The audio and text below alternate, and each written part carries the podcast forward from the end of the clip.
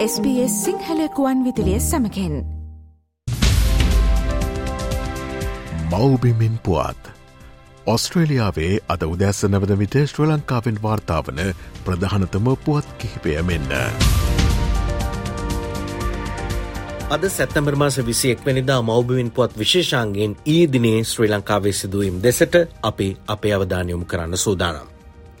පාස්කු ප්‍රහාරය සම්බන්ධයෙන් ශ්‍රී ලංකාවේ විවිධ පාර්ශවල අවධානය පහුගේ කාලසීමාවේම නැති වෙලා තිබුණේ නෑ ඒ පිළිබඳව විවිධ ආකාරයෙන් මතු කිරීම අදහස් දැක්වීම් සිද්ධ වුණා. ඒත් එක්කම චැනල් 4 නාලිකාවේ වීඩියෝ වැඩසටහන් නිසා ඒ පිළිබඳව අවධානය තවත් වැඩි වුණු බවක් පේන්න තිබුණා. ඊයේ පාර්ලිමේන්තුවේදීත් ඒ පිළිබඳව සාකච්ඡා කළා. ඇතැම් නිලධාරීන් සම්බන්ධයෙන් ක්‍රියාත්මක නොවීම පිළිබඳව පාර්ලිමේන්තු මන්ත්‍රීවරුන් අදහස් පළ කළා.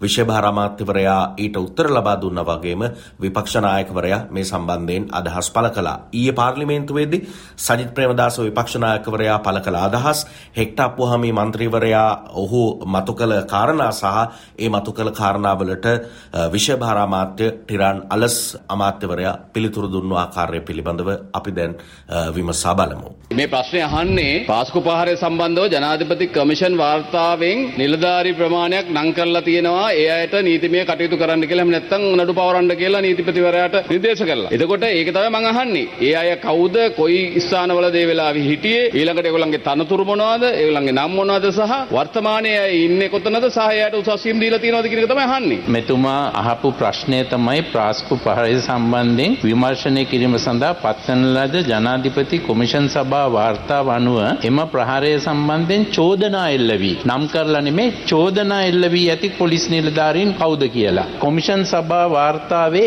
එකකවත් චෝදනා එල්ල කරලා නෑ. ඒගොල්ලන් නිරීක්ෂණය කරනවා කියලා නීතිපතිතුමාට තමයි බාර දීලා තියෙන්නේ. මේක අධ්‍යයනය කරලා මේ මොන වගන්තිය යටතේ නඩු දානවද කියන එක තීරණය කරන්න. ඉතින් එතකන් මම මෙතන එක එක නිලධාරීන්ගේ නම් කියන එක වැරදි. පාර්ලිමේන්තුවේ තේරීම්කාරක සභා වාර්තාවේ නිර්දේශ. ජනාධිපති කොමිෂන් සභාවේ නිර්දේශ. මලල්ගොඩ වාර්තාවේ නිර්දේශ. මේ නිර්දේශ ටික ක්‍රියාත්මක කරොත් මේ ප්‍රාස්කු ප්‍රහාර අනිවාර්යෙන් විපතටපත් වුණු ජනතාවට සාධාරණත්වයක් ඉෂ්ට කිරීමේ ගමන ආරම්භයක් වෙනවා. ඉතින් මම යෝජනා කරන්න කැමති ගරු නීතිය හා සාමය ඇමතිතුමාටත් ඒ වගේම මේ රජයටත් විශේෂයෙන්ම මේ වාර්තා තුනේ නිර්දේශ ටික ක්‍රියාත්මක කරන්න. ඊයේ දවසේ ශ්‍රී ලංකාවේ වෘත්තීයවේදීන්ගේ වෘත්තීය සමිතිය එකමුතුව ජාත්‍යන්තර මූල්‍ය අරමුදලේ ශ්‍රී ලංකාවේ කාර්යාලයට සංදේශයක් බාර දුන්නා. ජාත්‍යන්තර මූල්‍ය අරමුදල ලංකාවට ලබා දුන්නු පළමු නායවාරිකය පිළිබඳව සමාලෝචනයක් මෙවැනිකොට ලංකාවේ සිද්ධ වෙනවා. ජාත්‍යන්තර මූල්‍ය අරමුදලේ නියෝජිත කණ්ඩායමක් ලංකාවට ඇවිල්ලා ඉන්නවා. පහුගිය දිනවල අපි දැක්කා වෘත්තීයවේදීන් ඔවුන්ගේ වැටුපට එකතු වුණු බදු ප්‍රමාණය පිළිබඳව දැඩි අවධානයක් යොමු කරලා තියෙනවා. මේ උපයන විට ගෙවීමේ බද්ද පිළිබඳව මේ ප්‍රතිපත්තිය පිළිබඳව සංදේශයක් ලංකාවේ ජාත්‍යන්තර මූල්‍ය අරමුදලේ කාර්යාලයට බාර දුන්නා. මේ බදු ක්‍රමය නිසා ශ්‍රී ලංකාවේ වෘතිකයින් රට හැර යන බවත් පහුගිය දිනවල සාකච්ඡා කරා අධික බදුබර නිසා මෙවැනි බදු ප්‍රමාණයක් ගෙවුවට පස්සේ වෘතිකයන්ට ජීවත් වෙන්න ගැටලු මතුවලා තියෙනවා කියලා සාකච්ඡා කළා. මේ පිළිබඳව අවධානය යොමු කරලා සංදේශයක් බාර දුන්නා ජාත්‍යන්තර මූල්‍ය අරමුදලේ ශ්‍රී ලංකාවේ කාර්යාලයට.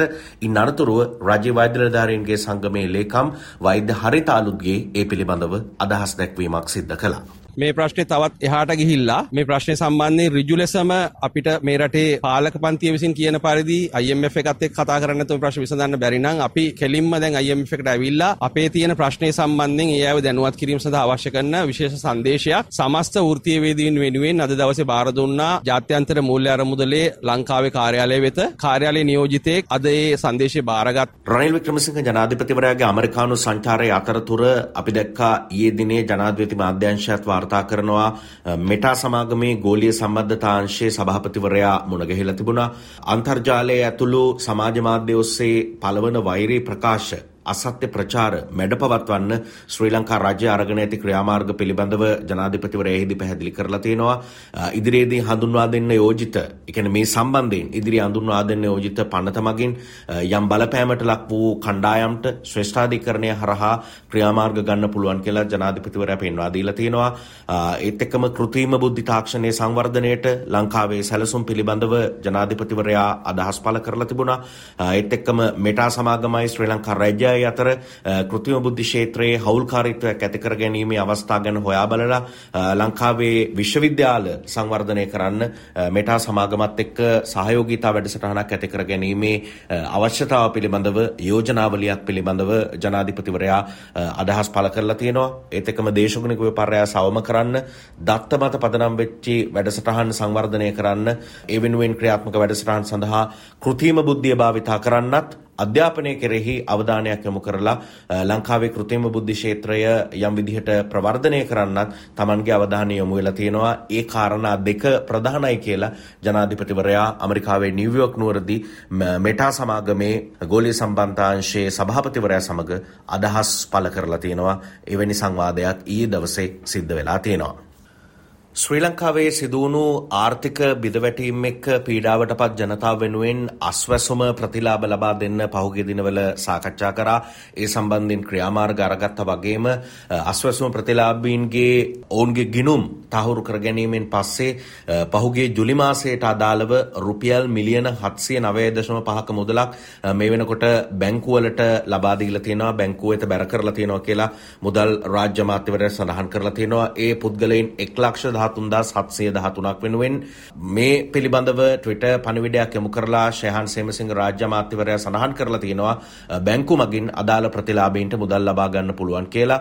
ප්‍රතිලාභී පවුල් තියෙනවා 11 ලක්ෂ 62245ක් ඔවුන්ට මුදල් වශයෙන් රුපියල් මිලියන 7278ක් ජුනි මාස ජූලි මාසයට අදාළව මේ වෙනකොට ගෙවලා අවසන් කරලා තියෙනවා කියලා වාර්තා වෙනවා.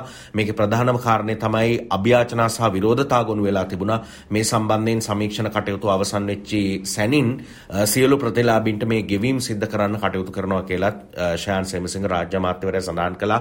මේ අස්වැසුම ප්‍රතිලාභ ගෙවීම පිළිබඳව පහුගිය දිනවල විවිධ අදහස් පළ වුණා.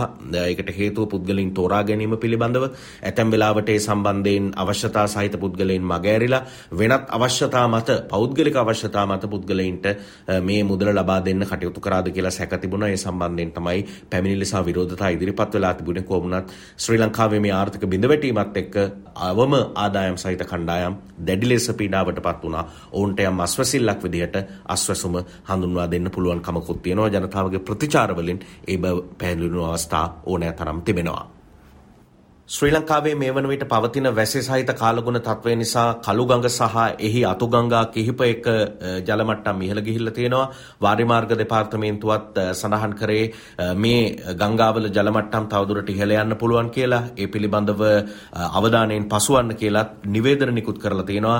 නිල්වලා ගඟේ ජලමට්ටමත් පානදුගම ප්‍රදේශයෙන් ඉහළ ගිහිල්ලා තියෙනවා. ඒ හින්දා මේ ජලමට්ටම් පිළිබඳව අවධානයෙන් පසුවන්න කියලා වර්ෂාවත් සමග දැනුම් දීලා තිබෙනවා. ශ්‍රී ලංකාවේ ලංකාවේ මේ වන විට කාලගුණය පිළිබඳව ප්‍රවෘතියක්කේ එමනම් හෙට දවසෙත් මෞබිමෙන් පුවත් විශේෂාන්ගෙන් හමුවන බලාපොරොත්තු ඇතිව මම අදට සමුගන්නවා ශ්‍රී ලංකාවේ සිට මනෝජ් උදටියාවල. මෞබිමෙන් පුවත් ශ්‍ර ලංකාවෙන් වාර්තාාවන ප්‍රධානතම පුවත් කිහිපය SBS සිංහල සේවෙන්.